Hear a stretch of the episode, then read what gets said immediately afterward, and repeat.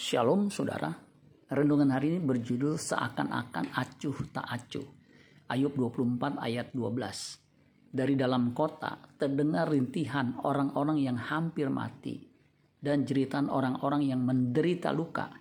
Tetapi Allah tidak mengindahkan doa mereka.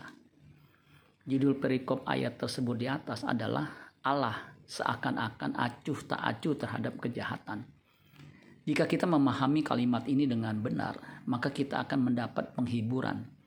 Kalimat yang mirip dengan ini dalam Lukas 24 ayat 28. Alkitab yang terbuka mengatakan begini, ketika mereka sudah dekat ke desa Emmaus, Yesus terus berjalan seakan-akan hendak meneruskan perjalanannya. Seakan-akan Yesus hendak meneruskan perjalanannya, padahal ia mau kedua murid itu mengajaknya mampir ke rumah mereka. Ini terbukti Yesus masuk dan tinggal serta mereka. Lukas 24 ayat 29. Tetapi mereka sangat mendesaknya katanya, tinggallah bersama-sama dengan kami, sebab hari telah menjelang malam dan matahari hampir terbenam. Lalu masuklah ia untuk tinggal bersama-sama dengan mereka.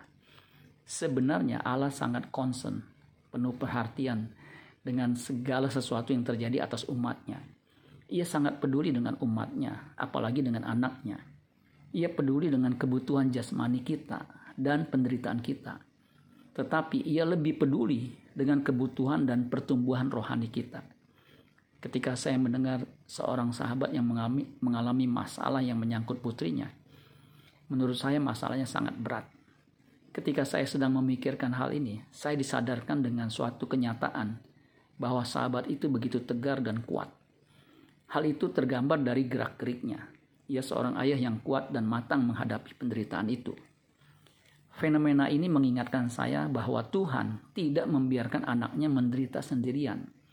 Jika kita menderita, sesungguhnya ia terlebih dahulu menderita, sehingga penderitaan kita yang sementara ini digantikan dengan kebahagiaan selama-lamanya. Tuhan seakan-akan membiarkan kita menderita, tetapi sesungguhnya Dia memberikan yang jauh lebih baik yaitu kedewasaan rohani, sehingga hidup menjadi kesaksian bagi orang lain. Amin buat firman Tuhan. Tuhan Yesus memberkati. Sola Gracia.